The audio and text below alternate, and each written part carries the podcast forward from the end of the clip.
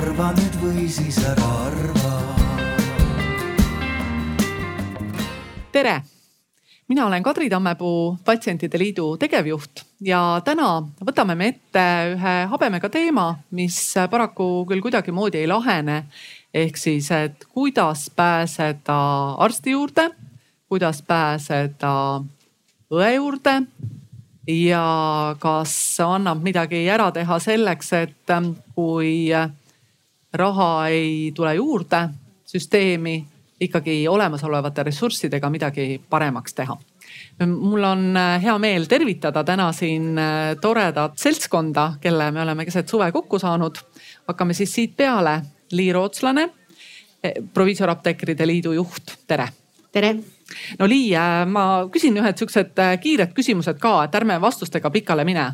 et ähm, äh, apteekide kohta on inimestel, tavalistel inimestel esimene asi, mis tuleb, on muidugi see, et kriisis apteegid olid lahti ja ma usun, inimesed on tänulikud.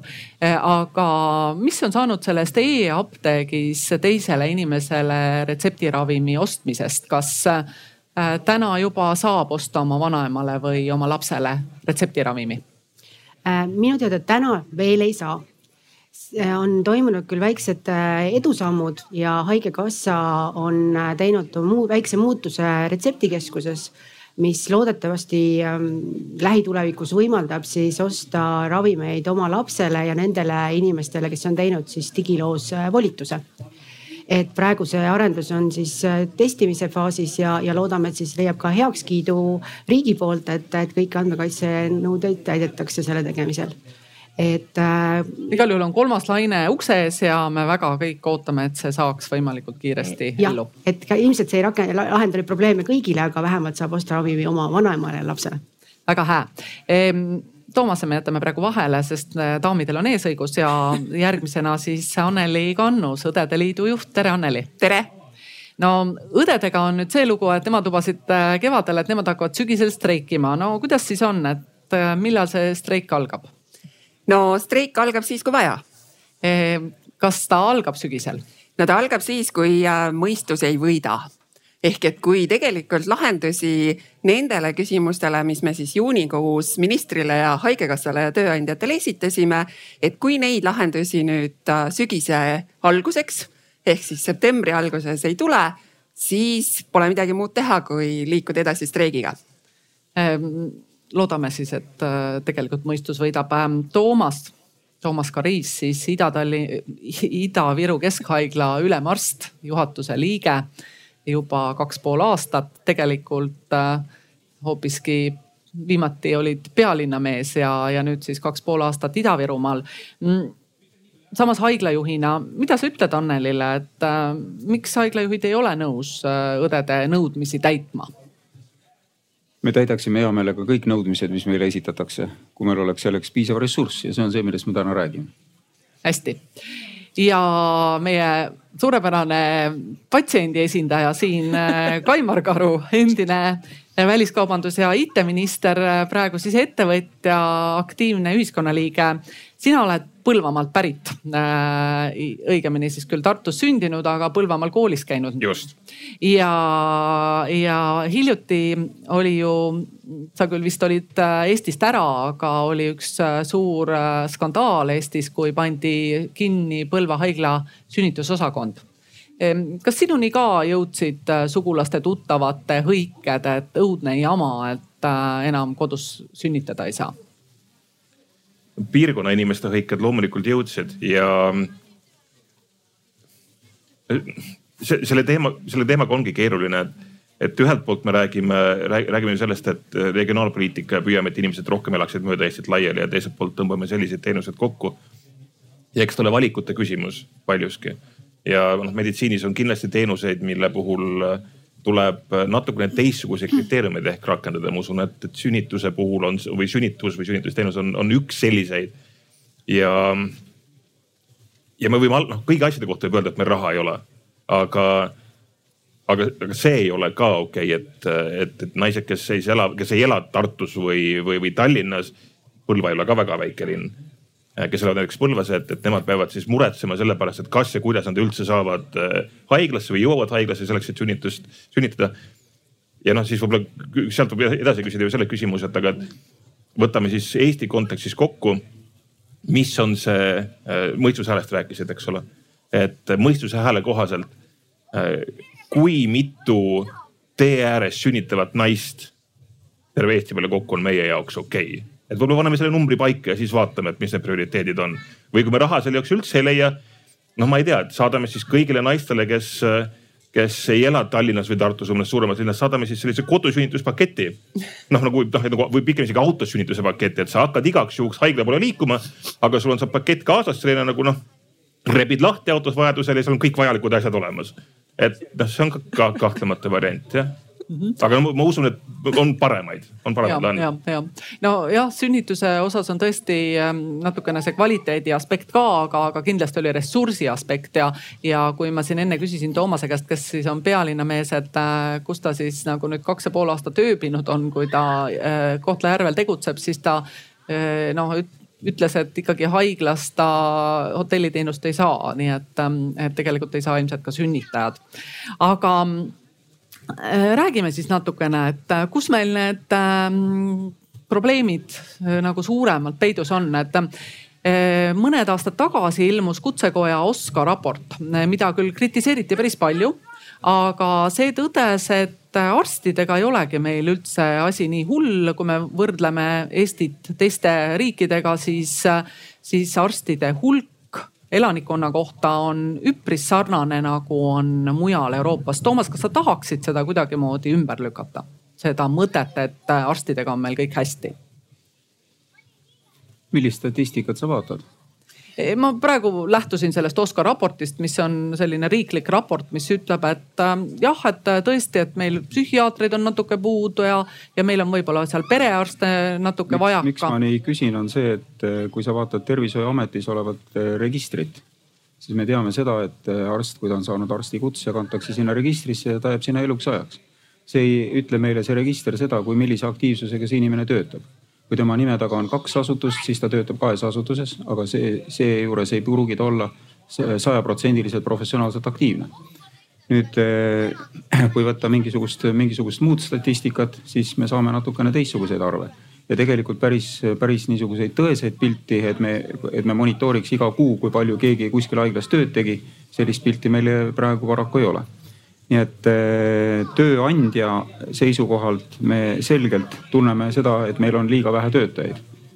haigete seisukohalt teie kindlasti tunnete ka seda, et, et liiga pikad järjekorrad on. ja järjekorrad on paraku sellepärast, et, et, et igas päevas on loetud arv töötunde. nii et äh, ühelt inimeselt ei saa võtta rohkem, kui ta on valmis andma. ehk sa tahad öelda, et statistika on vale? ma ei taha öelda, et statistika on vale, aga ma tahan öelda seda, et me ei tea tõelist pilti ja meil on tunnetus, et meid on ilmselgelt vähe ma korra küsin lihtsalt ühe kiire küsimuse, Kaimar, kas äh, sulle tundub see IT-inimesena tohutu äh, raketiteadus, et aru saada, et kui palju siis arstidel, arste meil Eestis on, kes tööd teha tahavad, kaua nad töötavad ja kuidagimoodi see pilt äh, saada kuidagi ette? Tehnoloogiaga või digitehnoloogiaga seotud me tihti räägime äh, andmepõhisest otsustamisest, et me kogume andmeid ja siis me saame teha andmepõhiseid otsuseid. mõnes valdkonnas ei ole see väga keeruline. sotsiaalvaldkonnas ja meditsiinis mulle tundub, andmepõhiseid otsuseid ei ole pikka aega tehtud. sest pilt ongi väga segane. kriteeriumid on segased noh, lihtsustatult öeldes loendamine on segane, nagu siin oli, eks ole, et sul võib inimene kirjas olla. kas ta töötab ühes-kahes kohas, poole kohaga, veerandkohaga või kümnendikkohaga. et see, see mure ei, noh antud juhul kindlasti ei ole see tehnoloogiline mure, et noh, me võime kõik asjad kokku lugeda, aga kui me kokku loeme ja paneme pärast raporti, siis me saamegi selle tulemuse, mis justkui näitab üht pilti, aga tunnetus on hoopis midagi muud. et vähemalt sotsiaalvaldkonnas on küll raketiteadus jah, ja, ja, ja noh, see ei ole see ei ole ainus, mis, mis kannatab ja noh, see pildi selgemaks tegemine ei ole noh, ma enne mainisin valikute tegemist ja prioriteete, et see on kahtlemata seotud ka valikute ja prioriteetidega, mis tulevad poliitiliselt tasandilt, et kuhu me tähelepanu pöörame. aga kui sul on ületöötanud inimesed kes noh, meditsiin on üks nendest valdkondadest, ületöötanud inimesed, kelle tööajast läheb üsna suur osa ka mitte selle tegevuse peale, mida ta õppinud on, vaid näiteks administratiivtegevuste peale.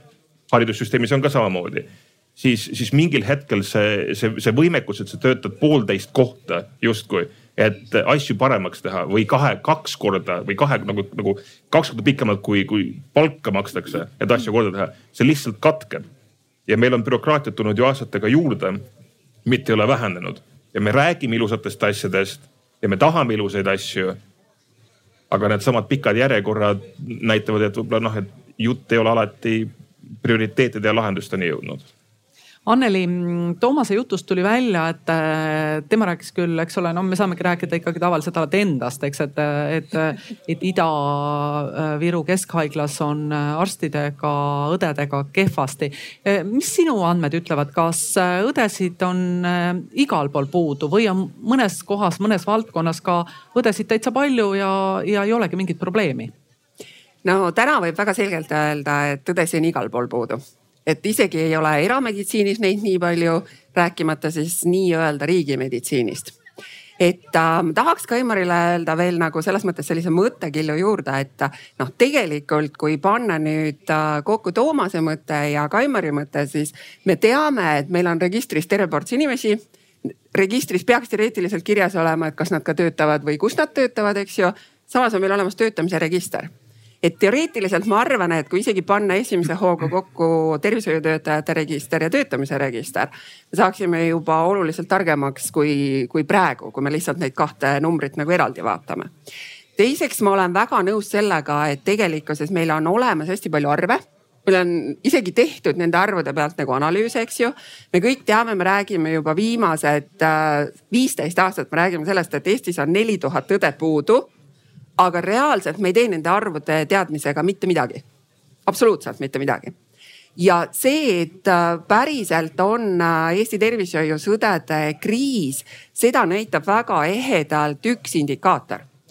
kui äh, Tallinna linnas on tegelikult neli haiglat ja üks tervishoiu kõrgkool, siis Tallinna linnas on kogu aeg olnud õdesid puudu. vaatama selle, vaatamata sellele, et see kool on sealsamas, aga haiglaid on palju kui Tartu linnas on üks suur haigla ja tegelikult on üks tervishoiu kõrgkool, siis on alati olnud äh, Tartu Ülikooli Kliinikumis tegelikult valida, et keda sa tööle võtad.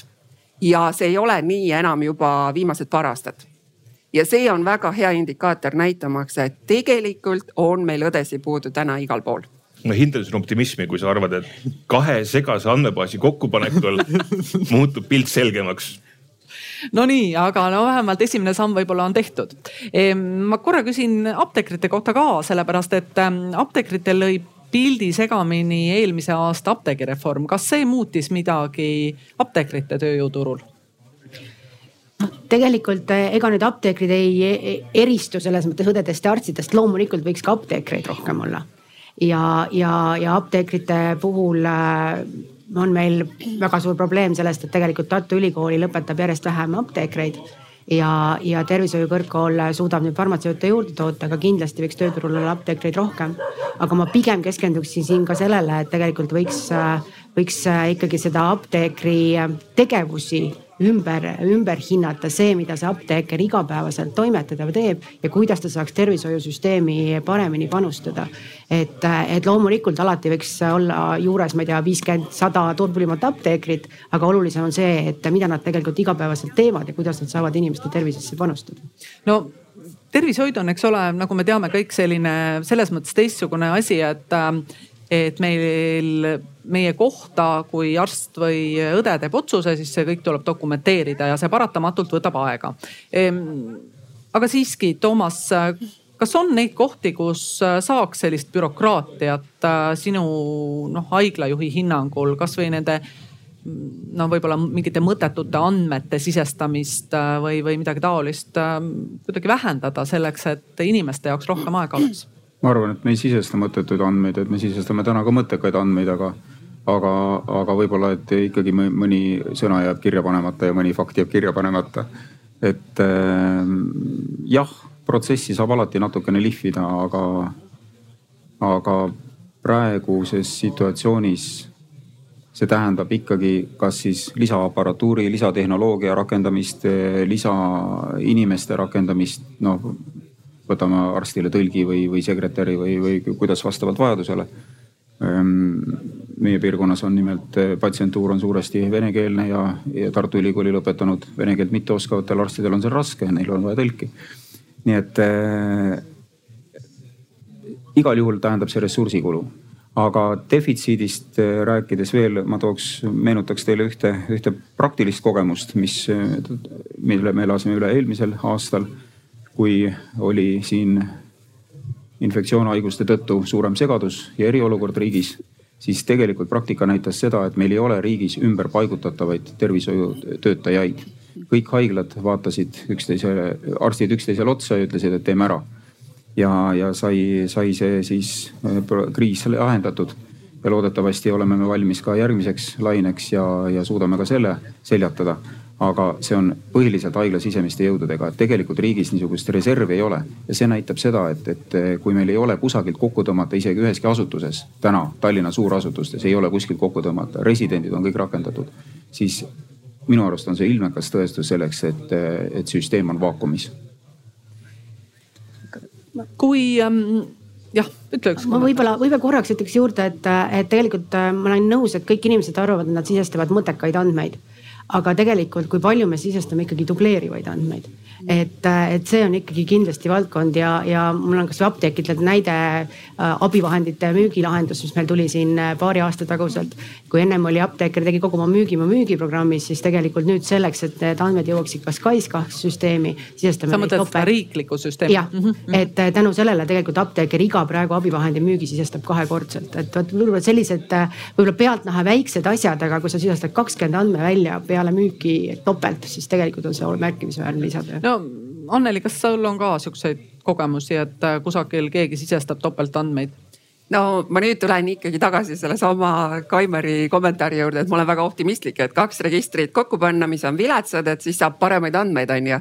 aga võib-olla siis saab, kui näiteks seesama haigla peab sisestama neid andmeid ainult ühte kohta et äh, inimlik eksimus on ka see, et kui sa ühte sedasama äh, infot sisestad kahte erinevasse kohta, on ju, siis võid sa ka inimlikult eksida ja tegelikult võib ka olla nii, et ühes kohas on natuke ühtemoodi ja teises kohas on natuke teistmoodi, eks. Või mida ma olen korduvalt ja korduvalt ise patsiendina öelnud, et kui ma iga kord lähen haiglasse ja iga kord minu käest küsitakse, et millised on teie eelnevad opid olnud, siis juhtubki nii, et digiloos on mul mitu korda mandlid olnud, sellepärast et ma ei mäleta kunagi väga täpselt, kas see oli kaks tuhat kolm või kaks tuhat neli, kui mul mandlid ära lõigati. Nii et noh, mingisugused andmed on ikkagi sellised, mis äh, võiksid meil olla olemas ja mida iga kord ei pea nagu üle küsima, üle kirjutama ja, ja tegelikult nagu koguma nii et äh, noh, selles mõttes ikkagi on need äh, olukorrad, kus saaks nagu IT veel rohkem aidata, et neid siiski tervishoius on terve rida. Ja need kõik ei ole väga mastaapsed, et need on, neid on ka väiksemaid. Ja teiseks, et ma ikkagi olen nõus sellega, et äh, me teeme selliseid noh, nagu mittemõttekaid asju selles mõttes, et meil reaalselt äh, täna läheb väga palju ressurssi selleks, et kogu seda tervishoiusüsteemis üles ehitatud rahastusskeemi ja raha kasutamist tegelikult tõestada ja tõendada ehk et äh, haigekassa on teinud küll järjest lihtsamaks selle, et kuidas haiglad arveldavad haigekassaga ja kuidas siis tegelikult rahavood liiguvad. Aga samal ajal me paneme ikkagi sedasama piiratud tervishoiuressurssi sellesse, et teha kogu aeg paremaks arveldussüsteemi selle asemel, et panna seda raha sellesse, et teha paremaks seda, et kui patsient tuleb ja vajab mingisugust tervishoiu, isegi võib-olla mitte teenust, vaid alati võib-olla nõustamist või lihtsalt tuge. et siis äh, sellesse me nii palju nagu võhma ei panusta. no kuulge, kuidas te tunnete ennast, käib mingisugune õudne mingi andmete jutt on ju, et ähm, kuulge tõstke käed püsti, kellele tundub, et äh, arst või õde, kui te lähete Äh, arsti juurde tegeleb liiga palju ninapidi arvutis ja, ja kuulab teid liiga vähe. no nii, et äh, ikka mõned käed tõusid, et ülejäänud ma eeldan, et no terved ei ole üldse käinudki arsti juures ja, ja tegelikult ei ole selle teemaga üldse kokku puutunud ja kindlasti, absoluutselt, äh, kindlasti oleneb. Äh, ma usun ka, et, et äh, noh, kui me siin mõtleme, siis näiteks Soomes on nii, et, et meil on, eks ole, arst, kes räägib makilindile oma jutud ja pärast keegi kirjutab siis sinnasamasse dokumendisüsteemi. on arste, kes valmistavad enne oma visiidi ette uurivad kõik andmed välja või lasevad oma abilistel uurida ja siis, kui tuleb visiit, siis keskenduvad patsiendile ja, ja pärast siis tegelevad jälle dokumentidega. selle dokumenteerimisega on omad probleemid paratamatult.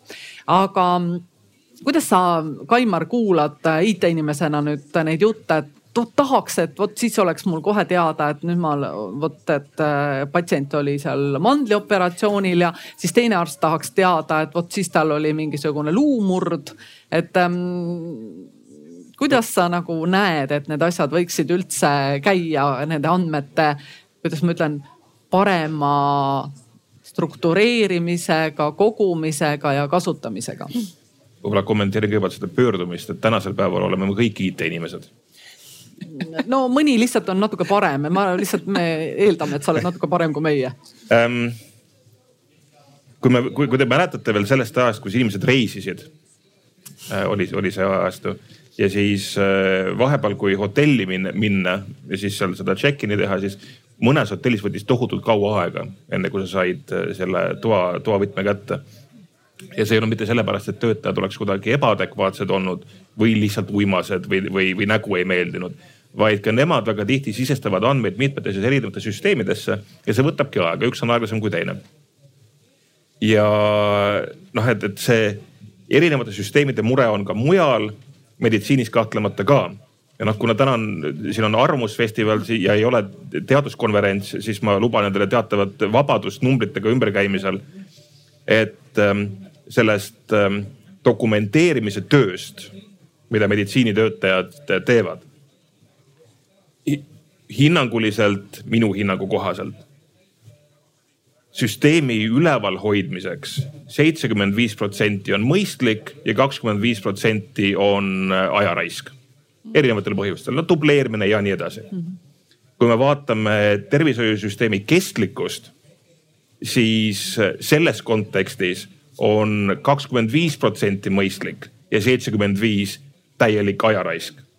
sellepärast, et ähm, need andmed, mis sisestatakse, mille pealt meil muuhulgas oleks võimalik teha ennetustööd, palju paremini läbi viia sõeluuringuid, palju paremini ähm, siis realiseerida personaalmeditsiini.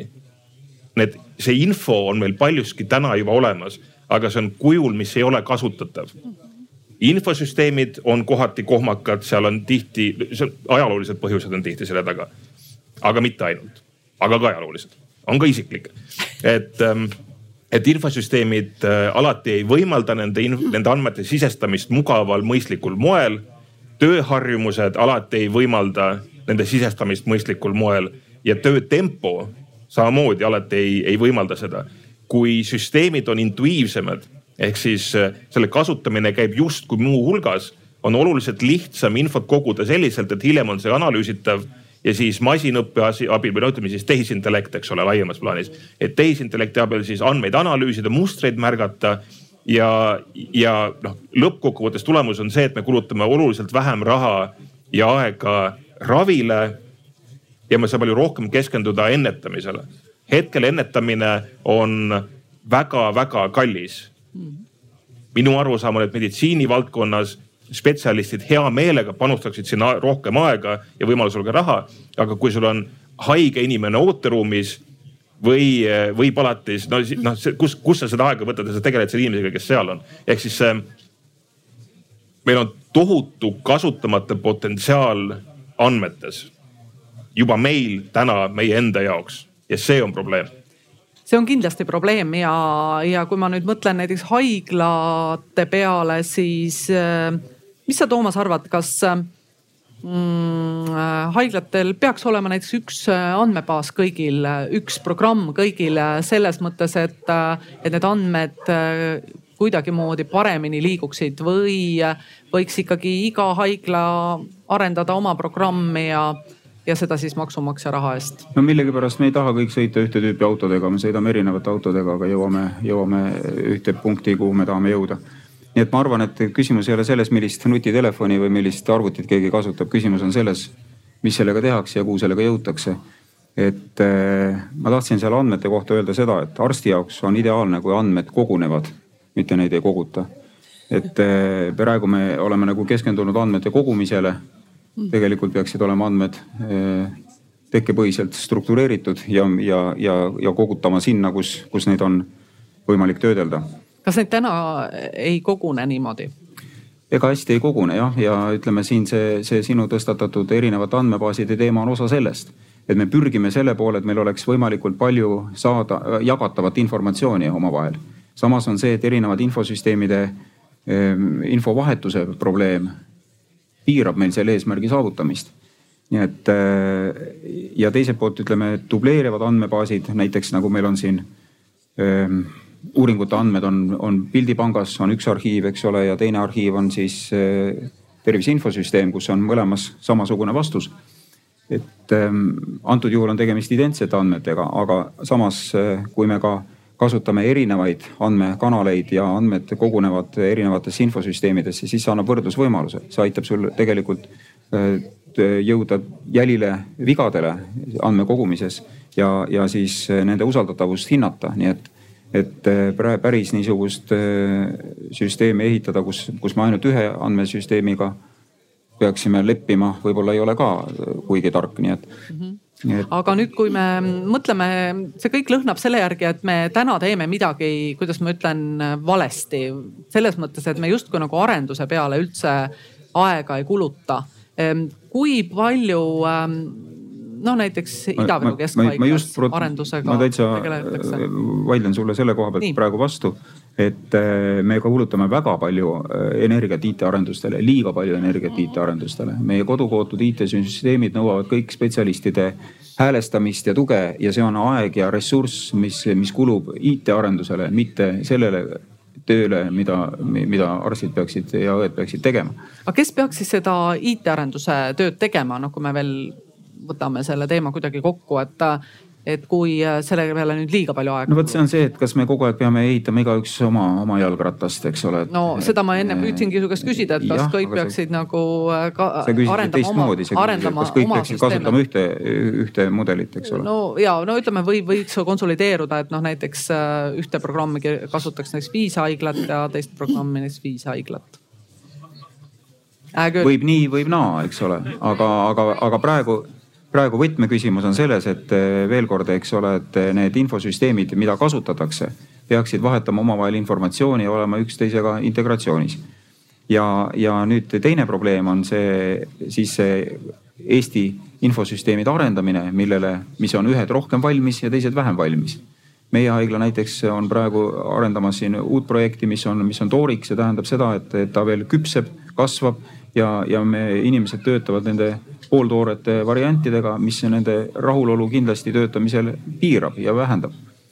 jah, Kaimar, üks väike kommentaar, sest ma tunnen, et äh, inimesed enam ei suuda jälgida meie tehnoloogilisi arendusi siin. et me peame nagu minema maalähedasemaks IT-valdkonna, IT-valdkond on üks, kus inimeste tööharjumused kinnituvad suhteliselt kiiresti ja siis põlistuvad ka päris kiiresti ja noh, kaksteist valdkonda, kus ma olen seda Äh, või kaksteist eriala, kus ma olen seda ka näinud rohkem võib-olla kui keskmine. Äh, üks on raamatupidajad, kes äh, ettevõttest ettevõttesse liiguvad enda tarkvaraga ja teine on siis meditsiinitöötajad, kes on harjunud asju mingil kindlal moel kindlasti tarkvaras tegema, mis ei ole paha ilmtingimata. aga lihtsalt see on nagu üks, üks omadus selle, selle nende tarkvarade juures ja siit kommentaaridest tuleb nagu see, see trend välja, et äh, pikalt me rääkisime siis nagu äriarendusest ja äritööst ja siis IT-arendusest ja IT-projektidest. et üldiselt tänu sellele, et tehnoloogia on igale poole sisse imbunud, olgu siis hea või halb, me tegelikult ei tohiks enam rääkida IT-arendustest ja IT-projektidest, sellepärast et kõik need tarkvaraarendused, mida tehakse, on siis nii-öelda äri jaoks ja seni, kuni asutustes püsib see piir, et me teeme IT-asja, nüüd on, see on siis nagu see IT-asi ja see on see mitte IT-asi. seni tekib, kui jääb sinna seda ebakõla. vanasti, vanasti noh, kakskümmend aastat tagasi teisiti ei olnudki võimalik, sellepärast et, et vahendid, mis olid kasutada, sundisid meil kindlal moel äh, tööd tegema. Äh, noh, tarkvaraarendust. tänasel päeval agiilsete meetoditega on võimalik see, et me noh, arendajad noh piltlikult öeldes istuvad arstide kõrval ja arendus käib pidevalt, me ei tee mitte äh, Skys kahe tüüpi äh, huvitavaid ähm, ähm, asju äh,, vaid, vaid läheme natuke kaasaegsemalt ja, ja arendame jooksvalt, eks ju, me ei tee mitte projekt, projekt, projekt, vaid pidev arendus ja sellisel juhul on võimalik äh, ka jooksvalt kohendada vajadustele. Noh, kas siis patsiendid, kui patsiendi käitumine muutub, arsti käitumine muutub, vajadused muutuvad, andmete kogumine muutub, ta saab jooksvalt teha. aga seni, kuni me seal seina vahel hoiame, siis me jäämegi nende muredega maadlema. meditsiin ei ole ainus valdkond, kus see on jätkuvalt probleemiks digiretsept ähm,. ja, aga teate, ma isegi nagu ainult võib-olla kommenteeriks, et äh, minu mälu järgi apteekritel on päris vähe programme, vist üks või kaks või. kaks. jah, ja kuidagi nad saavad hakkama, kuigi apteeke on kui palju äh, natuke alla viiesaja. -hmm. aga no muidugi teeme, paneme siia disclaimer'i, et apteekides on vähem protsesse ka ilmselt teha Äh, või no, ma eksin või? noh, võib-olla mõnevõrra protsessi mõttes on vähem, aga andmeid tegelikult on ikkagi äh, palju, aga, aga jah, kuidagi on leitud nagu see ühisosa lihtsamini ja, ja sellega ka edasi liigutud, et, et igaüks ei ole tahtnud oma jalgratast leiutada, vaid pigem on võetud äh, see, mis olemas on ja koostöös seda arendatud nii, et see oleks võimalikult apteekrile sobilik ja, ja lihtne tööriist ühesõnaga, seal on meil probleem, mida me siin täna tegelikult ära ei lahenda, aga sellega ilmselt peavad haiglajuhid äh, või ka apteegipidajad või ka, või ka õendusettevõtted, eks ole, nagu aktiivselt tegelema. aga, aga see, mis meil ikkagi ju probleemiks on siin nagu tõsiselt veel on see, et äh, isegi kui me saame siis selle no kakskümmend protsenti või sa küll ütlesid seitsekümmend viis protsenti, mis kõlab küll noh. tulevikule mõeldes. ja okei okay,, okei okay, ja, et mitte nüüd ei ole, eks ole niimoodi, et kui kakskümmend minutit on vastuvõtt, et siis viis minutit nagu tegeleb arst äh, ravimisega ja ülejäänud viisteist minutit tegeleb äh, andmetega. et äh, loodetavasti nii ei ole, aga meil on ikkagi küsimus selles, et, et kui palju me peaksime siis neid noh, neid õdesid juurde koolitama ja, ja, ja kuidas me neid üldse koolitada saame. selles mõttes, et kas neil on kuskil õppida, sest äh, haiglaid meil ju on äh, teatud hulk, eks ole. ja, ja, ja kuhu nad siis ikkagi lõpuks tööle lähevad, sest äkki ikkagi näiteks Toomas ütles, et tal raha ei ole, et noh, ei olegi. ma ei öelnud seda no tegelikult on niimoodi, et me oleme justkui nagu suletud ringis ja me ei julge teha julgeid otsuseid, et sellest välja murda. et ühelt poolt on nii nagu Kaimar ütles, et ennetustegevust tegelikult ei ole eks, et noh, jah, just, et, et kui me lihtsalt võrdleme, eks ole, haigekassa eelarvet ja vaatame, palju läheb ennetustegevuse peale, siis me võime öelda tegelikult, et seda ei ole see, et meil on nagu olemas mingid sõeluuringud ja meil on mingid projektid ja programmid selle jaoks, eks ju. see on noh, null koma null null üks protsenti sellest, mida nagu päriselt peaks tegema, eks. Äh, teine asi on see, et me kogu aeg räägime, et meil on järjekorrad. noh, Toomas ütles ka, eks ole, et, et tegelikult inimesed tahaksid nagu rohkem saada arsti juurde, eks. aga me ei tegele sellega, et vähem inimesi üldse vajaks arsti juurde minekut sellepärast, et me ei saa sellega tegeleda, sest meil pole inimesi, kes sellega tegeleb, meil pole raha selleks, eks ju. ja meil pole ka kedagi, kes julgeks öelda, et kuulge, et aga tegeleme praegu selle hulga inimestega, kes veel on terved selleks, et nad terveks jääksidki ja ei vajaks nii palju seda tervishoidu, eks ju. see on meil üks pool, mis meil on tegelikult täiesti tegemata. Ja siin on väga palju mitte ainult tervishoiu käes, vaid seal on äh, haridussüsteemi käes, lapsevanemate koolitamise käes, laste koolitamise käes ja nii edasi, eks ju ei räägi kindlasti sellest, ma räägin just nimelt sellest, et äh, inimesi tegelikult peab nagu, inimestele peab pakkuma neid äh, vahendeid, neid õngekonkse, et ta oskaks ise kala püüda. täna ta ei oska, sellepärast et me näe, räägime sellest, eks ju, et, et ka noh, inimesed, kes koolis õpivad, on ju. noh, tervishoid või terve olek, see on äh, väga paljude jaoks täna see, et kui ma lähen arsti juurde, arst kirjutab mulle retsepti, siis on juba väga hästi. aga tegelikult selle ainult retsept ei ravi. Ja isegi ainult see tablett ei ravi, eks ole, kui ta selle retsepti juhuslikult välja ostab ja ta võtab ka seda tabletti, eks. ja samal ajal on nagu teine pool, meil on nagu hästi palju uuringuid selle kohta, eks ju, et meil on vot see neli tuhat õde puudu. Meil on hästi palju uuringuid selle kohta tehtud äh, Tartu Ülikooli poolt, äh, arenguseire raporti poolt, OSKA raportis. On meil tegelikult kirjas, eks ju, et kui palju meil on õdesi vähem äh, elaniku kohta, kui on teistes Euroopa riikides, eks ju ja, ja tegelikult me dikteerime, meil on kõikides arengustrateegiates on meil kirjas, et tänase kuue koma kolme õe asemel peaks meil olema ühel hetkel üheksa õde nagu tuhande inimese kohta no. aga me ei, me ei tee nagu mitte ja, midagi ja. selleks. jah, see on praktiliselt niimoodi, et, et meil peaks olema juurde, juures, eks ju. palju nagu mm -hmm. täna õpetatakse õdesid välja? no võiks öelda niimoodi ümmarguselt, et me võtame igal aastal, eks ole, Eestis õppima umbes viissada õde ja, ja reaalselt siis ütleme selle õige nominaalajaga jõuab neid lõpetama kuskil alla neljasaja. osa neist siis äh, lõpetab ikkagi pikema ajaga lihtsalt on ju ja hetkel on olukord selline, et pärast kooli nad lähevad ka kohe Eesti tervishoiusüsteemi tööle. õigemini nad ei lähe isegi siis tööle, vaid nad on juba enne tööl. sest nii nagu Toomas ütles, et siinsamas Covidi perioodil, kui otsiti, et kas on võimalik, et keegi tuleks veel appi, on ju. siis selgus, oh imet, et alates kolmandast kursusest tegelikult kõik tervishoiu kõrgkooli tudengid reaalselt töötavad juba tervishoiusüsteemis, eks. ja samal ajal meil on nagu kaks poolt, eks ju, et me peaksime siiski neid vastu võtma vähemalt selle viiesaja asemel kuussada või seitsesada. et meil täna ka toimuks nende õdede taastootmine ja natukene tuleks juurde ideaalne oleks see, kui me võtaksime seitsesada, kaheksasada vastu. aga selleks ei ole tõesti meil ei raha ega inimesi, eks. aga kas neil äh, praktikakohad on olemas? sa ütlesid, et nad kõik juba kusagil töötavad, aga no nad töötavad ju ühes kohas, aga kui sa õeõpet teed, siis sa peaksid ju käima erinevates äh, sektorites äh, tegema oma praktikat? no täna on öelnud Haiglate Liit küll seda, et, et nad mahutavad ära need praktikandid siis tegelikult nagu praktikale aga praktikaga on jälle seesama konks, eks ju, et äh, praktikat peab ka juhendama ehk et me keegi ei taha, et tuleb keegi, kes alles õpib ja hakkab iseseisvalt päris asju tegema. ja, ja siin me oleme nüüd järgmises selles surnud ringis, et meil on ühelt poolt vähe õdesi, neil on palju tööd ja siis nad peaksid veel uusi õdesi ka välja õpetama mm. ehk et äh, meil on nagu mitu sellist väikest suletud ringi tegelikult tervishoiusüsteemis ja et kui ükski nendest nagu ei mur-, murdu või neid ei murta siis, siis ei hakkagi see ring nagu tegelikult üldse kuidagi lahenema, et sellest ei saa spiraali, eks ju mm. -hmm aga nüüd ähm, noh, jällegi, et ähm, me saame loota selle peale, et äh, äkki õdede õppearvu, äh, õppekohtade arvud tõusevad, aga nüüd ähm, üks võimalus on veel, et nii nagu meie töötajaid äh, püütakse meelitada teistesse arenenud riikidesse. kas meie ei võiks tuua noh Ukrainast või, või kusagilt õdesid või arste sisse ja, ja õpetada neile eesti keele selgeks ja vaadata, et nad oskaksid tööd teha ja siis, siis äh, hakkaksid meil tööle, et vaata ju Ida-Virumaal, Toomas, see töötaks võib-olla selles mudel isegi päris hästi.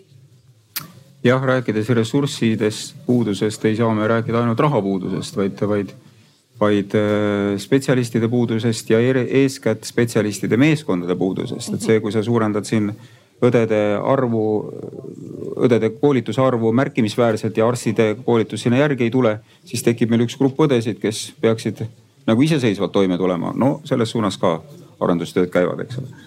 et äh, kuigi, kuigi ma arvan, et äh, on teatud tegevused, mis eeldavad ikkagi arstlikku ettevalmistust ja ja teatavat taset ja see on paljuski ikkagi niisugune eriala enda arengu järgi ähm, paika pandud standard. et ütleme, meie, meile tundub, et meie eriala arstid peaksid keskmiselt osutama teenust sellisel moel ja oskama selliseid, selliseid asju.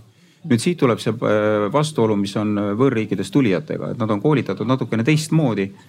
Nad äh, võib-olla ei, ei, ei päris ei vasta sellele standardile, mis meil täna on aga no,. midagi nad ju oskavad. midagi nad ju oskavad ja, ja kui võtta nüüd seda, et nad on näiteks õppinud eh, eh, anestesioloogia eriala kaks aastat, see eriala eh, süvaväljaõppel olnud oma riigis.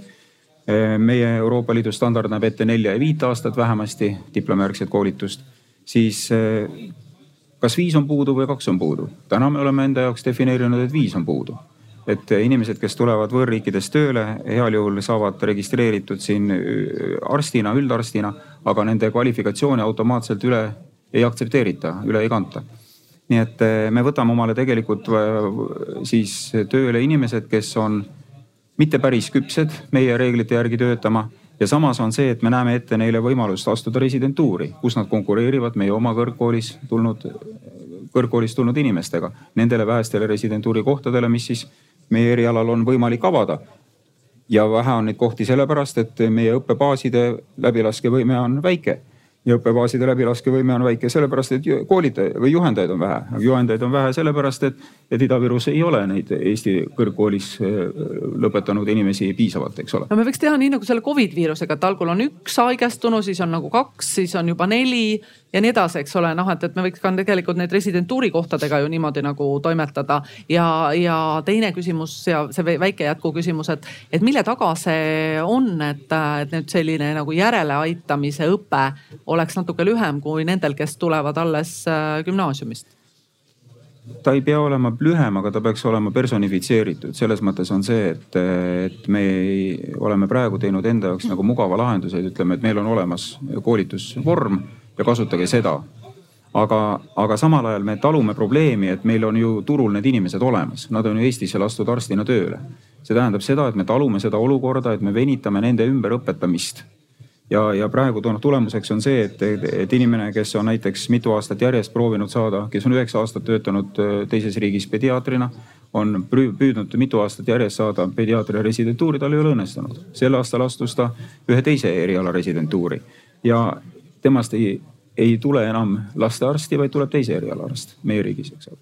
nii et, et eriala, millele, millele tegelikult haigla teda oleks hea meelega, kellena haigla oleks teda hea meelega näinud see pilt haigla jaoks muutub, sest inimene enam ei saa väljaõpet mitte sellel erialal, kuhu teda plaaniti haigla poolt, vaid, vaid teisel erialal. Õnneks on see, et, et, et Ida-Viru piirkonnas on puudus kõikide erialaarstidest, nii et meil ei, ei tähenda see suurt kaotust. teil jääb vist loota, et äkki tuleb millalgi ka nüüd selline lastearst, kellel veab ja ta satub sinna õigesse. tuleb teise erialaarst, siis läheb teine erialaga paremini, nii et kas äh, seda olukorda saaks kuidagi ikkagi nagu mõistlikumaks muuta või mille taga see ikkagi seisab? saame küll mõistlikumaks muuta ja, ja täpselt nendel samadel moodidel, et, et me peame nagu mõtlema, et, et mis on see, mis on see, mis on see level, milleni me peaksime pürgima ja kes seda levelit hindab nii et äh, praegune koolituse või tähendab nende adapteerimise süsteem oma eesmärki ei teeni. Et äh, eesmärk on praegu, nagu mulle tundub, äh, teha nendest inimestest siis sama tasemega arstid, kes tulevad siis Eesti Tartu Ülikoolist, Tartu Ülikooli kasvandikena. võib-olla tegelikult inimeste jaoks piisaks ka mingisugusest teistsugusest standardist ja, ja seda, milline see standard on, see on jälle kokkuleppimise küsimus. nii et, eh, et praegu ma ei tea, kas latt on õiges kohas mm. -hmm. kas latt on selles kohas, et, et, et inimesed on rahul, sest et praegu ütleme, kui te võtate noh, me räägime siin regionaalpoliitikast, eks ole, kui, kui asjast omaette. et inimene selleks, et ennast ühes piirkonnas hästi tunda, ühel noorel perel ennast hästi tunda, oleks hea, kui oleks lasteaed kool, korralik kool. ja lastearst näiteks ikkagi lähedal. Aga kui piirkonnas lastearsti ei ole, miks te arvate siis, et noored inimesed tahavad selles piirkonnas ennast hästi tunda ja, ja tahavad seal piirkonnas elada ja töötada? nii et, et regionaalpoliitika ei ole ju asi iseenesest, vaid regionaalpoliitika on, on just seesama keskkonna kujundamine, et me ennast hästi tunneksime. Ja meditsiin on kindlasti vaieldamatult üks osa sellest sellest, et, et me tunneksime ennast hästi, haridus, meditsiin ja, ja, ja turvalisus. Kas keegi tahaks kommenteerida seda mõtet, et meile tulevad äh, võõrarstid ja äkki äh, tekivad keeleprobleemid, kas keegi on selle peale mõelnud või kas keegi on sellega kokku puutunud? on keegi, tahab äkki mikrofoni? ei kuule, ei tea? ei taha, selge et järelikult on saanud need inimesed omal küsime, keeled selgeks. küsime teistpidi, et, et kui teil on. vahele, et tegelikult nii PERH-is mina olen küll kokku puutunud õdedega, kes ei, ei räägi välutavat tasandil eesti keelt mm. -hmm. aga mis siis äh, sa oled tei-, teie olete teinud? olen saanud hakkama, aga igas mm. -hmm, mm -hmm. no Anneli, kust siis tulevad sellised õed, kes ei räägi eesti keelt? no põhimõtteliselt äh, tervishoiu kõrgkoolid mõlemad õpetavad äh, eesti keeles nii et äh, need, kes lõpetavad Tallinna või Tartu Tervishoiu Kõrgkooli, peaks nagu eesti keelega saama tööalaselt täiesti hakkama ma tean seda, eks ole, et ka meil õpetatakse Kohtla-Järvel veel õdesi. Äh, Tallinna Tervishoiu Kõrgkooli poolt ja seal õpetatakse ka väga palju asju äh, tõesti vene keelt kõnelevatele inimestele ka vene keeles. ja päris palju noori on ka neid, kes lähevad sealt Kohtla-Järvelt pärast näiteks Tallinnasse tööle, sellepärast et Tallinnas on lihtsalt parem palk, rohkem töökohti, eks ole. ja, ja see tähendabki seda, et ta tegelikult läheb sellisest keskkonnast, kus ta on valdavalt rääkinud vene keelt ja kui ta satub Tallinnas ka näiteks sellisesse osakonda tööle, kus enamus räägib äh, personalist pigem nagu kohvitoas vene keelt, eks, siis tal ongi väga raske seda koolis õpitut äh, nagu püsima jätta, eks. aga see on nagu hea näide lihtsalt sellest, et me ei saa tegelikult nagu mõelda sellele, et me toome kuskilt mujalt riigist, kui me ei õpeta neile eesti keelt ehk et meil on esimene asi ikkagi see, et tervishoius, äh, kui sa pead inimesest aru saama, kui sa pead inimesega rääkima, sa pead talle asju selgitama, siis sa pead tegelikult suutma seda Eestimaal eesti keeles teha teine küsimus on see kvaliteedi või selle lati küsimus, eks ju.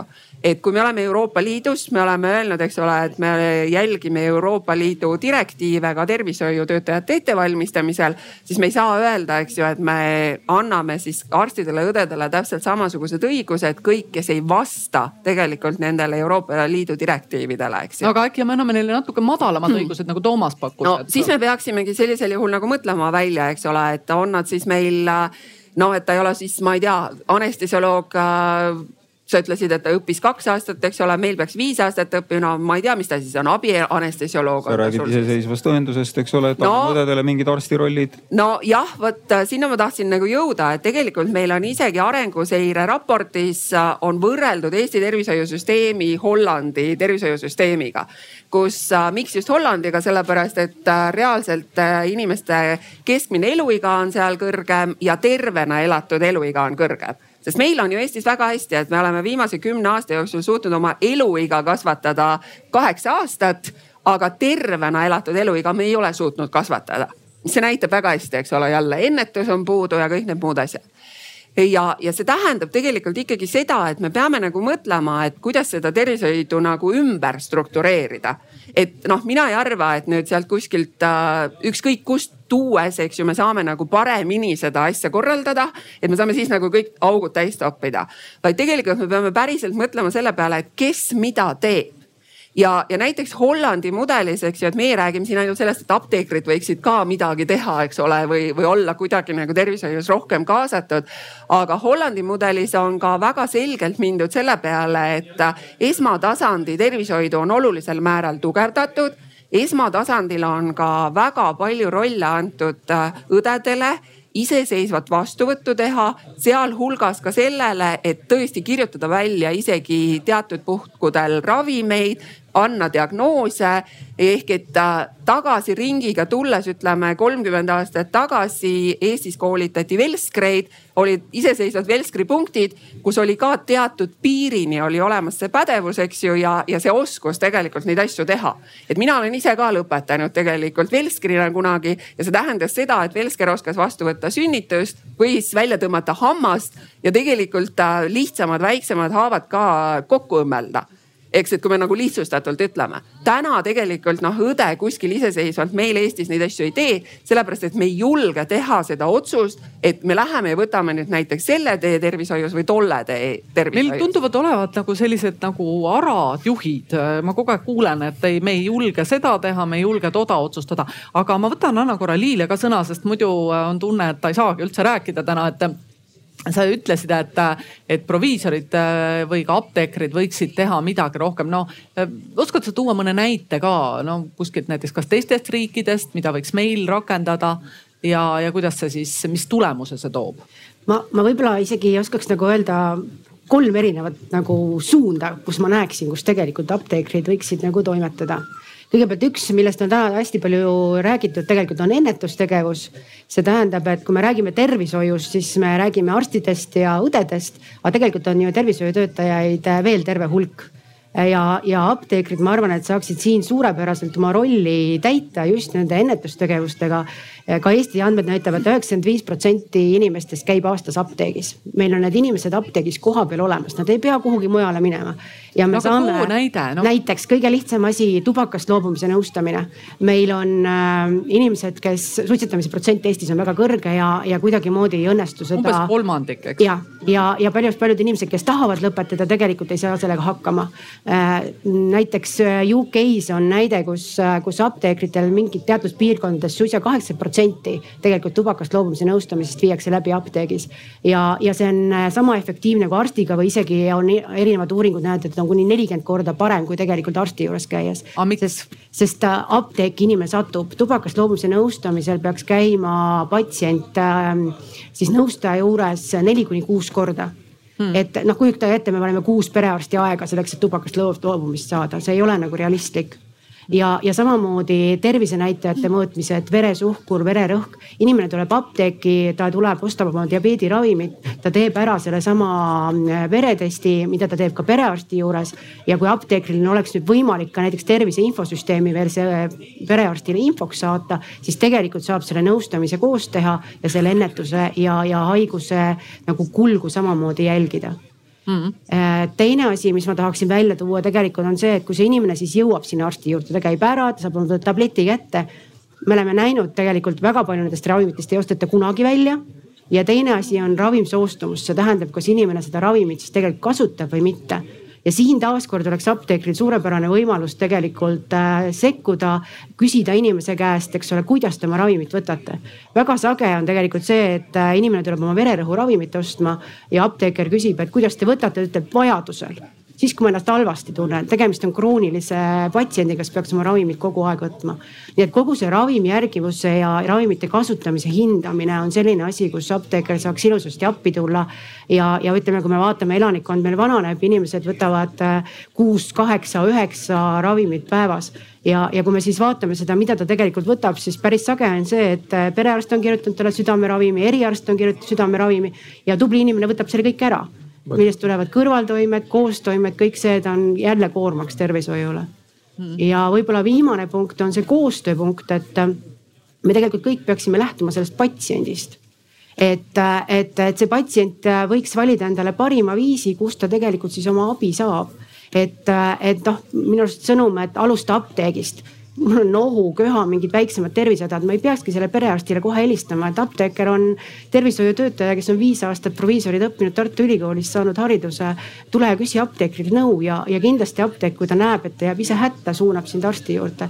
et see Covidi periood oli selles mõttes väga hea näide, kus tegelikult apteeker oli peaaegu ainus tervisetöötaja, kelle juurde inimene sai tulla ja abi küsida ja, ja tegelikult see koostöö toimis meil väga hästi ja, ja sealt ongi, et arsti, apteekri, arsti, õe, et see koostöö, et kui me midagi juba teeme, me teeme mingi analüüsi, anname nõu, et me saame seda siis omavahel jagada ja, ja, ja see inimene ei saa ühte sõnumit ühelt poolt, teist sõnumit teiselt poolt, vaid ta nagu on üks ja tervik ja, ja ta usaldab kogu seda tervishoiusüsteemi ja, ja mis tähendab, et ka meie tervishoiusüsteemis üksteist peame usaldama.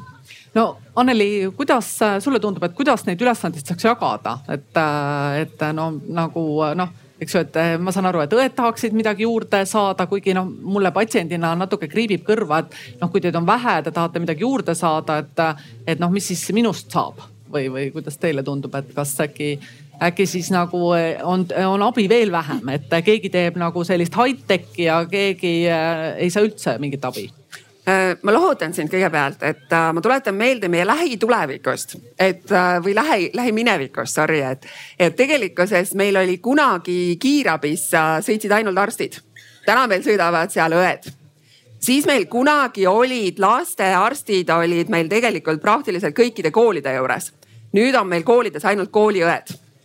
siis kunagi käisid meil arstid kodus, siis kui meil oli kõrge palavik, me helistasime, arst tuli koju, eks ju täna ei tule arstina koju enamustel juhtudel, vaid kui üldse tuleb, siis tuleb sinna õde äh, ma olen kuulnud väga palju patsiente, kes ütlevad, eks ju, et kui ma lähen perearsti juurde, siis ma tegelikult ei ole oma perearsti juba kolm aastat näinud, ma näen ainult oma pereõde.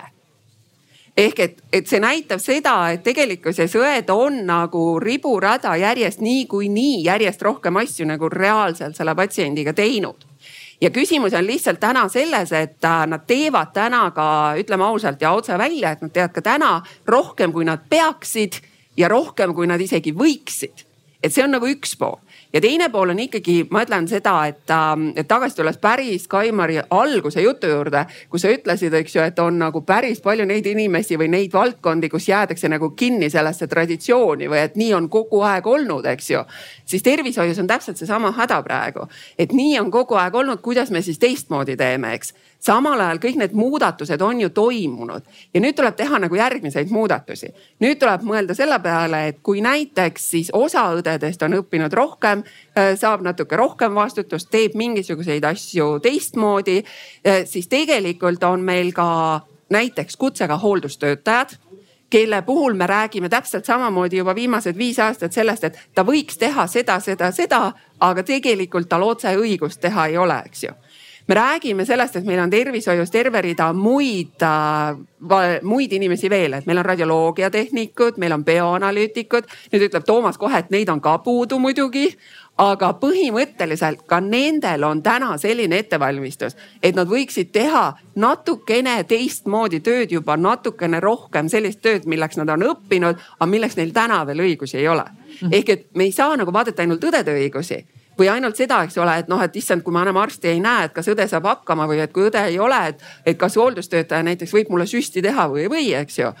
vaid me peaksime vaatama nagu seda tervikpilti ja ma ütlen seda, et tegelikult Eestis on mitte ainult nagu selle otsustuse või otsustusjulguse puudus, vaid, vaid suurem probleem on selles, et äh, me oleme jube perfektsionistid me oleme viimase nelja aasta jooksul olnud kohutavalt paljudes arenduse töörühmades, kus tervishoidu muudkui arendatakse. ja, ja me viimistleme neid arengudokumente nagu nii kaua, et kui nad lõpuks valmis saavad, siis nad on täiesti mõttetud, sellepärast et elu on samal ajal sajaga mööda pannud no jätame need dokumendid korraks sinna paika, aga räägime inimesest, et ähm, äh, kuidas sa, Toomas, ennast nagu arstina nüüd suhestad äh, nende kahe kena daami jutuga, et äh, tahaks, äh, tahaks natukene teha rohkem, tahaks äh, natukene arstidelt tööd ära võtta. kui apteegil on suutlikkus apteekrit rakendada tervise edendusse, siis jumala pärast, see on tohutu kergendus inimestele. aga mis iganes me defineerime selle arstiabi, sa tahad midagi siit ära võtta, no võta ära, aga jääb järgi arstiabi ja täna me oleme olukorras, kus see arstiabi kättesaadavus meid ilmselgelt ei rahulda ja meil ei ole näha, et see hakkaks minema paremaks. ja siit tuleb siis see, et, et kui me selleks, et seda arstiabi tagada, on meil kaks võimalust, kas koolitada ise inimesi piisaval määral, millega me objektiivsetel põhjustel täna toime ei tule. maa tuleb täita lastega, ütleb laul, eks ole, aga laulust üksi on vähe, abiks on, aga, aga näed, ei, ikka jääb väheks. järelikult on tung välist, väljast importimiseks olemas, see tuleb ära kasutada. ja nüüd küsimus on see, et, et mis level on see, mis me kokku lepime ja kuidas me selle levelini võimalikult kiiresti saavutame, nii et rõhuasetus ei tohiks olla mitte selles, selles, et et me peaksime nagu, nagu seda standardit allapoole viima vaid me peame teadma, mis see standard on ja kuidas me saame selle standardini võimalikult kiiresti nad viia, milliste vahenditega. et kas see, et meil on täna ülikool koolitab, et me ootame nüüd ülikoolid, et koolitage nüüd täiendavalt lisaks residentuurile veel neid välisarste ka. võib-olla see ei ole ainuvõimalik lahendus, võib-olla on mingid muud lahendused, aitäh mm. -hmm. ehk et äh, tegelikult arstid peaksid siin võib-olla ka ise võtma või haiglajuhid koos arstidega peaksid võtma nagu,. no see on, äh, see on süsteemi, see on ikka hakkama. süsteemi küsimus ja tegelikult on siin ikkagi riigi regulatoorsel rollil riigil on ikkagi kaalukas osa et.... no kindlasti, aga ütleme nii, et äh, noh, nii nagu me näeme, et võib-olla Covidi kriisi juhtimisel mõnikord äh, oli riigi pool teatud passiivsus seal mm. ministeeriumi poolel, siis äh,, siis võib-olla me kodanikena või, või siis arstid kodanikena ja õed kodanikena ja apteekrid kodanikena võtavad äh, ja natuke torgivad no võib-olla ma, võib-olla ma siin mõtlesin natukene, pidasin silmas näiteks Saksamaa süsteemi, kus, kus arstlikule turule küpsust hindavad arstkond ise Mm. Mitte, mitte, mitte ülikool, et meil on praegu, eks ole, ülikool koolitab residendid ja ütleb, et te olete korralikult tunnis käinud ja siis sellest tehakse järeldus, et, et, et nad ongi siis turuküpsed, eks ole. ja see, see järeldus tehakse automaatselt peale ülikoolis residentuuri lõpueksamit. et ja on ka küpsed, selles mõttes ei ole kahtlust, aga, aga, aga ütleme, et kui nad tuleksid kuskilt mujalt ja kui me viiksime näiteks selle residentuuri õppe tulemuse põhiseks, ütleme, et te peate oskama seda, seda, seda, siis inimesel võib olla võimalus tõestada, ma seda oskan, seda oskan, seda pean veel juurde õppima. nii õpin seal, seal ja siis lähen äh, arstide, lugupeetud kardioloogide kogu ette ja ütlen, et vaadake, võtke mind nüüd kardioloogiks, et ma oskan seda, seda, seda ja olen õppinud seal, ennast täiendanud. võib-olla on see üks väljapääs. kuidas sulle tundub Kaimar praegu seda juttu kuulates äh, noh, sest tegelikult IT-inimestel on ju sama probleem, et äh, noh, otsitakse tigutulega tegijaid, noh tõepoolest võib-olla õppima peab esialgu vähe aga, aga kas selline sihuke hierarhiline süsteem versus siis sihukene, et ongi nagu arst, õde ja apteeker. et kuidas see kõlab sinu kõrvale? Ja kas sa julged patsiendina minna näiteks õe juurde, kes tahab sulle, noh, õnneks sul küll ei ole vaja, aga kes tahab sulle kõrge vererõhu ravimit välja kirjutada? ma arvan, et siin on vähemalt neli aspekti. üks on haridussüsteem, mis noh, puudutab nii tehnoloogiaharidust kui kahtlemata ka, ka meditsiiniharidust. ja haridussüsteemi puhul ma arvan, et me peaksime oluliselt rohkem tähelepanu pöörama kutseharidusele. ma arvan, või noh, selle paremaks muutmisele, ma arvan, et see on, see on üks meie trumpkaarte tulevikus või üks meie totaalse läbikukkumise põhjuseid tulevikus. teine on prestiiži ja palga küsimus, IT-s sellega probleemi ei ole hetkel. vanasti, vanasti jällegi kakskümmend aastat tagasi IT-inimesed olid nohikud või noh, neid nähti nohikutena tihti. tänapäeval on see väga prestiižne tööala, kus, kus on ka võrdlemisi kõrged palgad ja tõepoolest sinna sisenemine ei ole väga keeruline. hea, pealehakkamise ja, ja nuti korral poole aastaga sa oled juba üsna, üsna tugev tegija. ühesõnaga Eesti rikkamad on ikkagi ka ju selle valdkonna inimesed. no hetkel küll jah, nüüd tänu, tänu siis sellele viimasele Wise'i sündmusele ja, et ähm, aga selle prestiiži ja haridusega seotult ja see läheb nüüd kõrgharidusse ka välja ja see läheb elukutse valikusse välja, et kui meditsiinivaldkonna valivad endale inimesed pigem. ma üldistan, aga, aga, aga siiski selline ähm, noh suur komponent on, on, on see, et nad päriselt tahavadki seal töötada, et see on, see on nende. Nad tunnevad, et see on nende eriala jah, ja kui nad seal isegi nendes raskustes igapäevaselt on, nad ei lähe sealt ära mitte ainult sellepärast, et ta peaks hakkama siis uut eriala õppima, vaid, vaid tegelikult nad tunnevad, et, et see on nende ala. meil on, äh, meil ja ka teistel on, noh ka teistes riikides on, on väga palju kõrgharidusega inimesi, kes on igapäevaselt väga õnnetud. Nad teevad täiesti mõttetut tööd. mõttetut enda jaoks, mõttetut noh, jälle üldistan ühiskonna jaoks. kui me suudaksime natukene seda mudelit ümber vaadata ehk siis mida inimesed õppima lähevad, mis põhjustel, palgad, prestiižid, siis ma arvan, et midagi oleks võimalik parandada. ja teatavate valdkondade tutvustamine varasemalt kui pärast gümnaasiumit äh, oleks ka ilmselt hea. nüüd see kolmas aspekt on, äh, on see, et rahvastik vananeb, on sama need elatud aastad ja tervelt elatud aastad, et üks suureneb ja teine nii mitte nii väga. et midagi me peame kahtlemata ette võtma. ja nüüd korraks tehnoloogia juurde tulles pärast seda, kui me saame meditsiinis lahti sellest äh, IT ja äri eristusest, millega läheb veel hea mitu aastat aega. kuigi, kuigi viimased sündmused annavad lootust, siis ähm, järgmine auk, kuhu, kuhu tõenäoliselt kukutakse, on see, et hakkame mm, neid asju, mida me kogu aeg oleme teinud, hakkame nüüd tegema siis rohkem tehnoloogia abil. ja see võtab järgmised viisteist aastat, meil ei ole tõesti viiteist aastat, mida võtta me peame koheselt hakkama ümber mõtlema seda, et kuidas me tehnoloogiat kasutame meditsiinivaldkonnas mitte vanade asjade digitaliseerimiseks, vaid täiesti uutmoodi lahenduste jaoks. kui me seda ei tee, siis on meil järjekorrad veel pikemad, arstid veel kurnatumad ja noh, paraku, paraku selles valdkonnas, kui me eksime, siis inimesed surevad ka natuke tihedamini kui võib-olla võiks. no aga too mõni näide, et äh, siin inimesed, kes võib-olla ei ole selle vallaga väga kursis ja no sa mõtled siin näiteks eh, tehisintellekti kasutamist ja, ja kes seda siis kasutab, et kas, kas Anneli või, või mina patsiendina? ma toon sulle võib-olla, kus ma panin selle ühe viienda aspekti ka ära. selle, selle, sinna, sinuda, ma tahtsin neljast rääkida, aga võib-olla see viies tuleb ka juurde. vaata see, see ravimite teema, eks ole, nagu välja otsetud, aga kasutamata ravimid, et kas me teame, kui palju ravimeid tegelikult raisku läheb ja kas me teame, mida pärast seda teadmist ette võtta. et äh, nagu siis hüpotees, mis võiks töötada. kui näiteks apteekides oleks sellised suured anonüümsed kastid, kuhu mina võin oma aegunud ravimid sisse visata. Need on seal ähm,.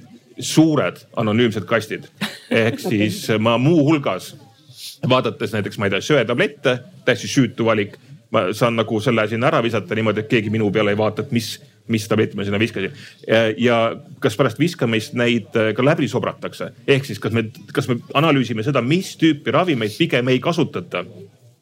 ja kas me sealt saame järeldada, et aga äkki me peaksime selles vallas siis kas apteekreid või arste või õdesid rohkem koolitama, et nad suudaksid patsiendile paremini selgitada, miks siiski peab võtma. ja see on lihtsalt üks näide ja seda ei pea tegema siis noh loendamist juba ka tänapäeval ei pea tegema käsitsi, lased lihtsalt noh li, nagu, nagu liinilt läbi, eks ole, ta loeb kokku, mis ravimid olid. ja selle andmehulgaga on juba võimalik midagi, midagi teha ja selle, sellega seotult on see, see koolitamise aspekt, äh, mis kehtib ka kõigis muudes valdkondades, et see üks on erialakoolitus ja teine on see võimekus keerukates olukordades hakkama saada. ja, ja üks, mida või üks asi, mis on spetsialistide jaoks tohutult keeruline, mida, mida rohkem spetsialist sa oled, seda keerulisem see on. see on selline äh, ennetav äh,, ennetav teadlikkus ähm,.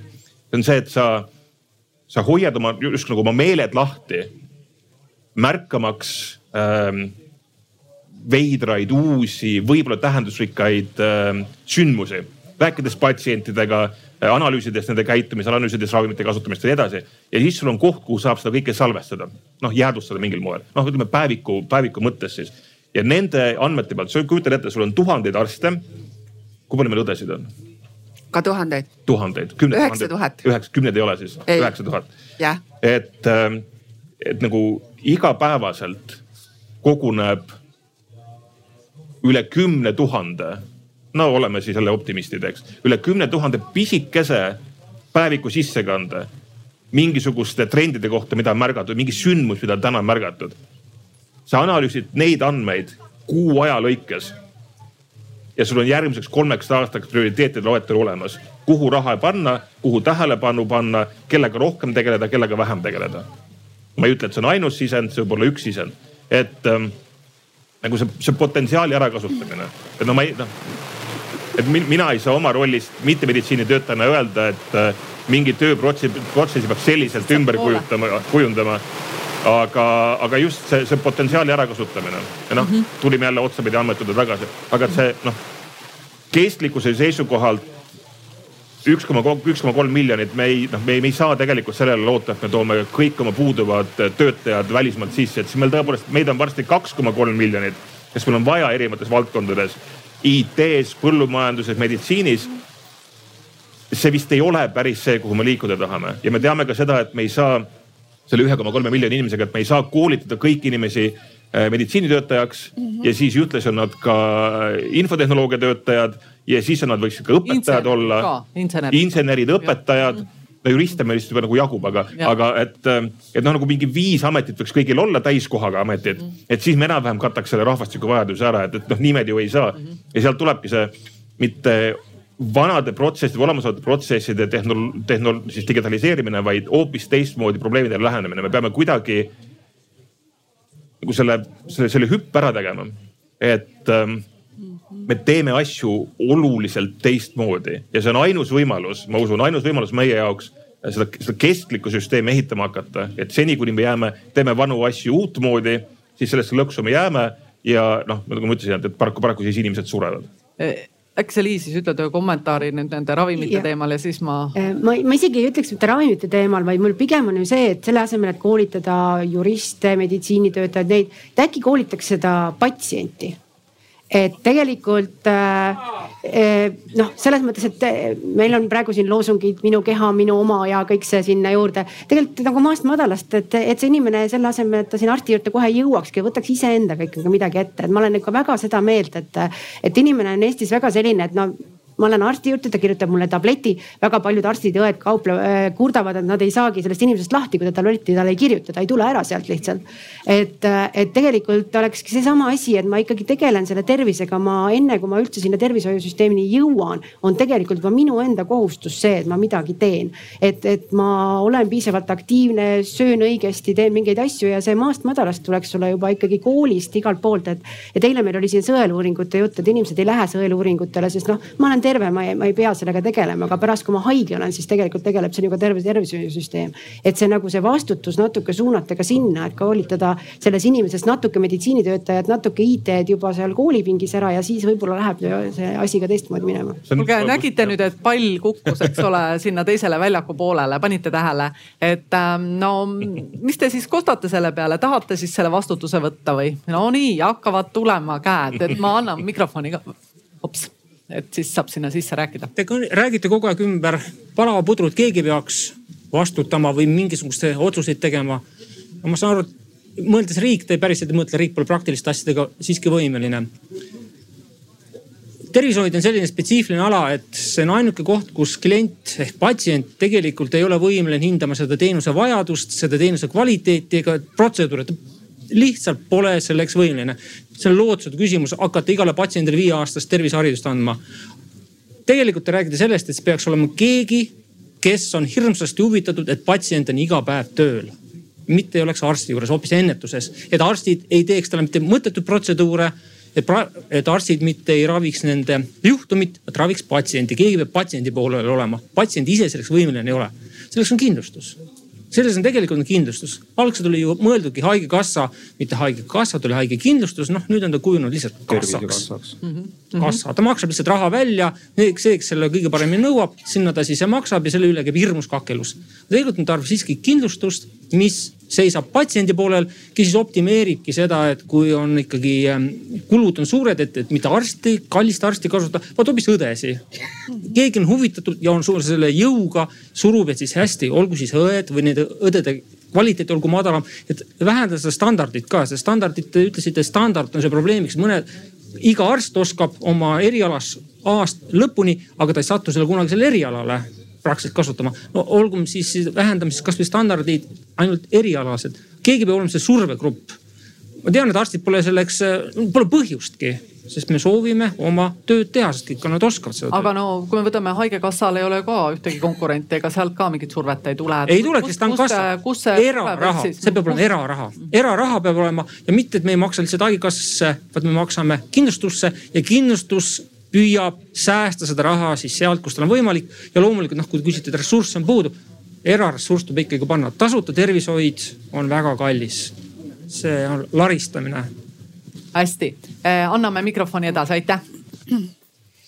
Eh, aitäh, väga huvitav diskussioon on. Kõigega suuresti nõus, et puudu, puudu, kõiki asju on puudu.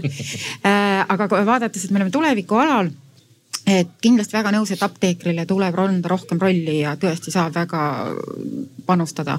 aga üks selline valdkond näiteks, mis UK-s on hästi levinud, on health coach. me oleme väga harjunud sellega, et meil on juhtimiscoach'id, aga täna meil puuduvad health coach'id ja ma arvan, et eriti selline noh, primaarne preventsioon, aga sekundaarne, kui inimene juba korraks haigeks, haige olnud ja arst annab nõu, et noh, võta kaalust alla ja käi rohkem ja noh, tore aga no saage ise hakkama, ei ole lihtne kaalust alla võtta, ei ole lihtne rohkem käia.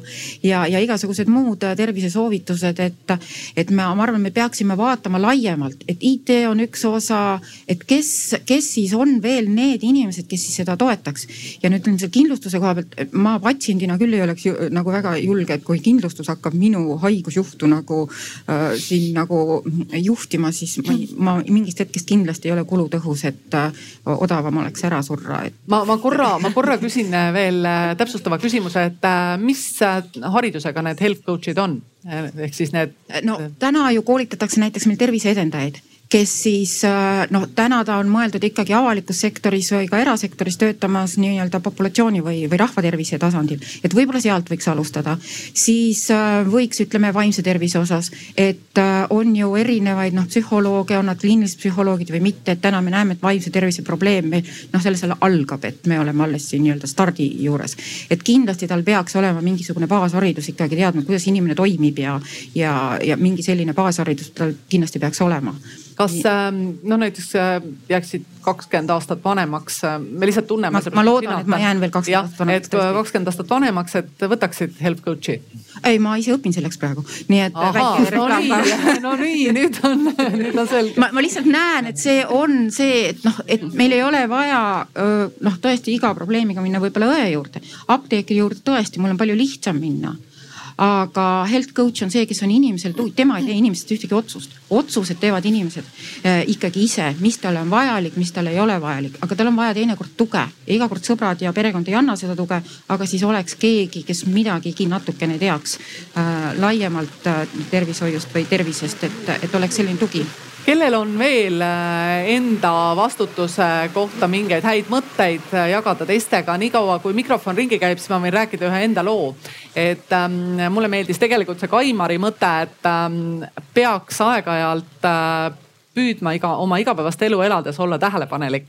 ja minuga juhtus nimelt see lugu, et ähm, kunagi mõned aastad tagasi, et äh, puu kammustas mind ja, ja ma tegelikult sain borrelioosi, aga mitte miski sellele ei viidanud, mitte miski absoluutselt peale selle, et mul oli imelik olla ma sain aru, et ma, mul on nagu teistsugune tervis ja ma tegelikult pidin väga pikalt veenma oma perearsti, et äh, noh, kuni selleni ma ütlesin, ma teen siis selle vereanalüüsi ise, et ma küll pole kümme aastat käinud ja ilmselt ei tule järgmine kümme aastat veel siia teie juurde, aga teate, ma nüüd tahaks ikkagi seda vereanalüüsi, see on natuke kallim kui see tavaline vereanalüüs.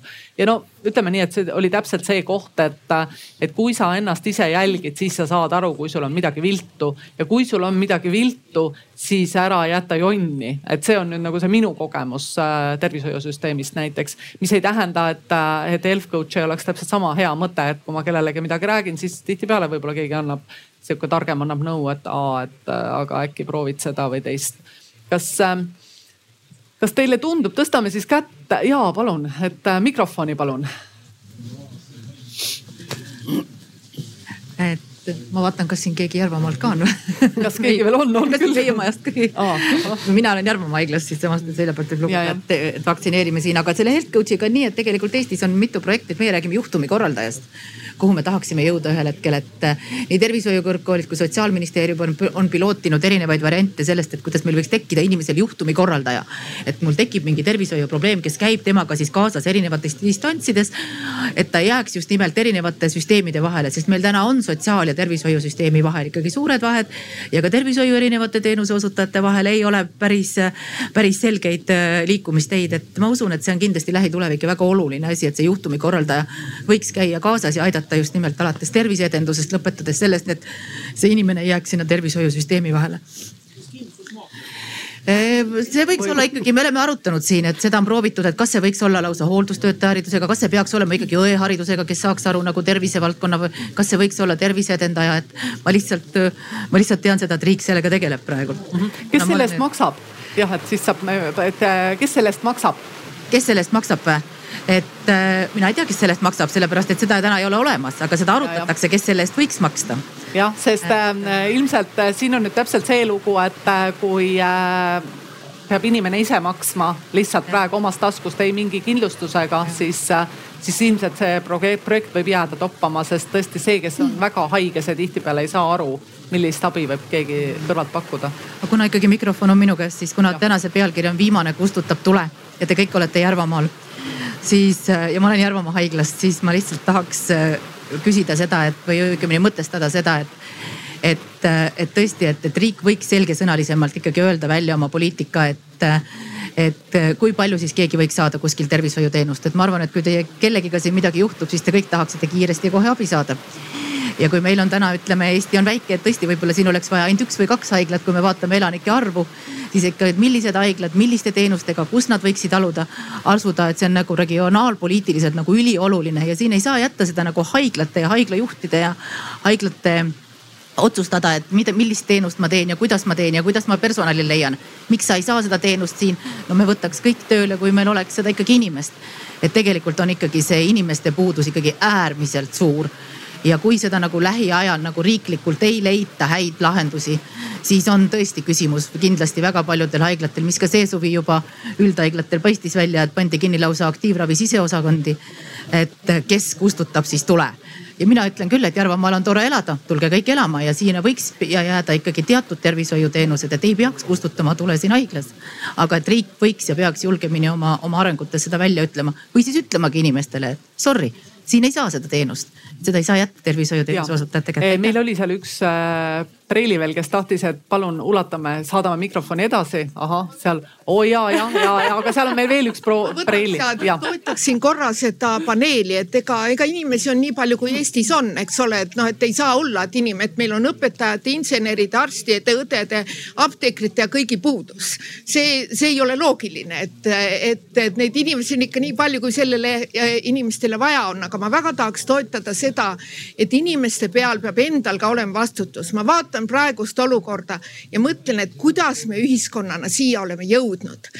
meil on head vaktsiinid, need antakse tasuta kätte, peaaegu et iga, iga kodu ukse taha tuleb ja inimesed põgenevad eest ära. piimajärjekorras oli palju inimesi, ei tea, kuhu nad kõik jäid kuidas me inimestena oleme sellisesse ühiskonda äkki jõudnud.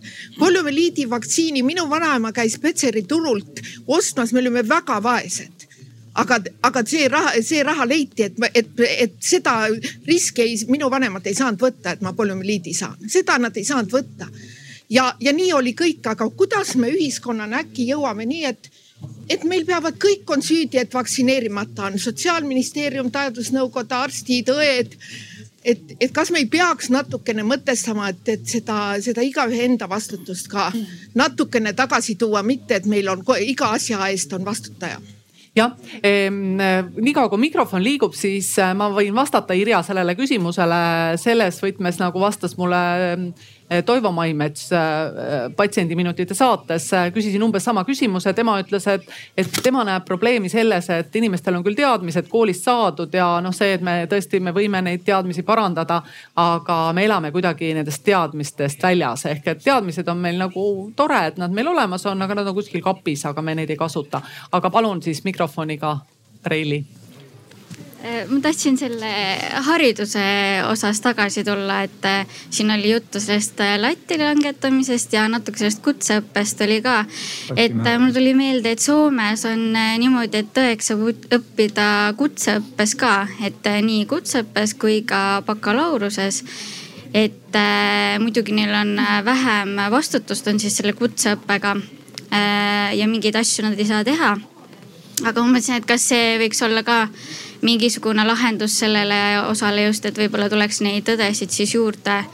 Äh, ja, ja need, kellel on siis bakalaureuseharidus, saaksid siis veel arendada äh, rohkem spetsiifilisemalt ka ja kindlasti äh, see nii on ja Anneli ilmselt saab äh, siin ka toetada, aga et, äh, et tõepoolest on ju võimalik õppida siis niinimetatud selles bakalaureuseõppes ja siis veel ja, magistriõppes. ma ütlen aga... samamoodi seda, et lihtsalt, et Soome on samamoodi Euroopa Liidu riik ja, ja tegelikult õeks saab õppida ikkagi ainult ja õeks saab ennast nimetada inimene, kes on õppinud kolm aastat.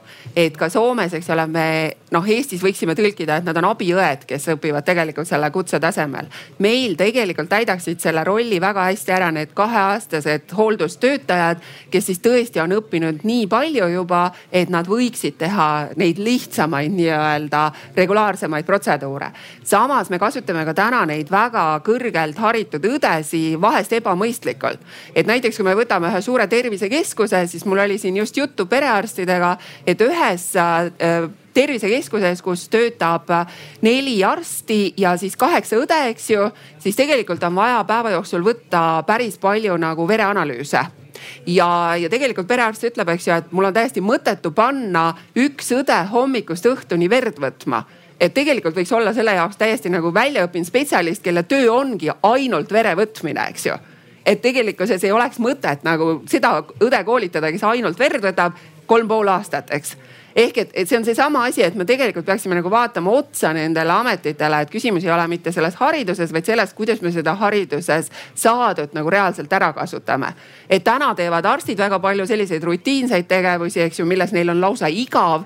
eks õed teevad selliseid asju, mida nad äh, ei peaks tegema seda peaks tegema võib-olla arstid, eks ja nii edasi, et täpselt samamoodi on seal hooldustöötajate, apteekrite, et need piirid ei ole tegelikult paigas, et me kasutame seda, mis meil täna on ikkagi ka ebaefektiivselt. Et ei ole küsimus nagu ainult selles, eks ju, et, et keda ja kui palju on vaja nagu koolitada. Teate, sõbrad, mulle kogu aeg näidatakse järelejätmatult äh, niimoodi te saate aru, mida see tähendab, eks ole. et me peame siin praegu hakkama vaikselt otsi kokku tõmbama. kuidas me siis resümeerime, me saame resümeerida nii, et on asju, mis meist sõltuvad ja siis tehkem neid asju. püüdkem kuidagimoodi äh, aru saada, millal me oleme terved ja, ja, ja kui me enam ei ole terved, et millal peab minema siis äh, abi järele ja, ja soovime edu ja jõudu neile inimestele, kes Äh, peaksid äh, kõik need ilusad mõtted, mis me siin täna kuulsime, ellu viima selleks, et ähm, et meil oleks äh, patsientidena need järjekorrad lühemad ja me pääseksime kiiresti arsti juurde. me võiksime rääkida kolm päeva veel nendel samadel teemadel ja hoopis laiemalt siin kõik need nüansid, mida me jätsime tegelikult täna välja. me räägime nendest mõni teine kord.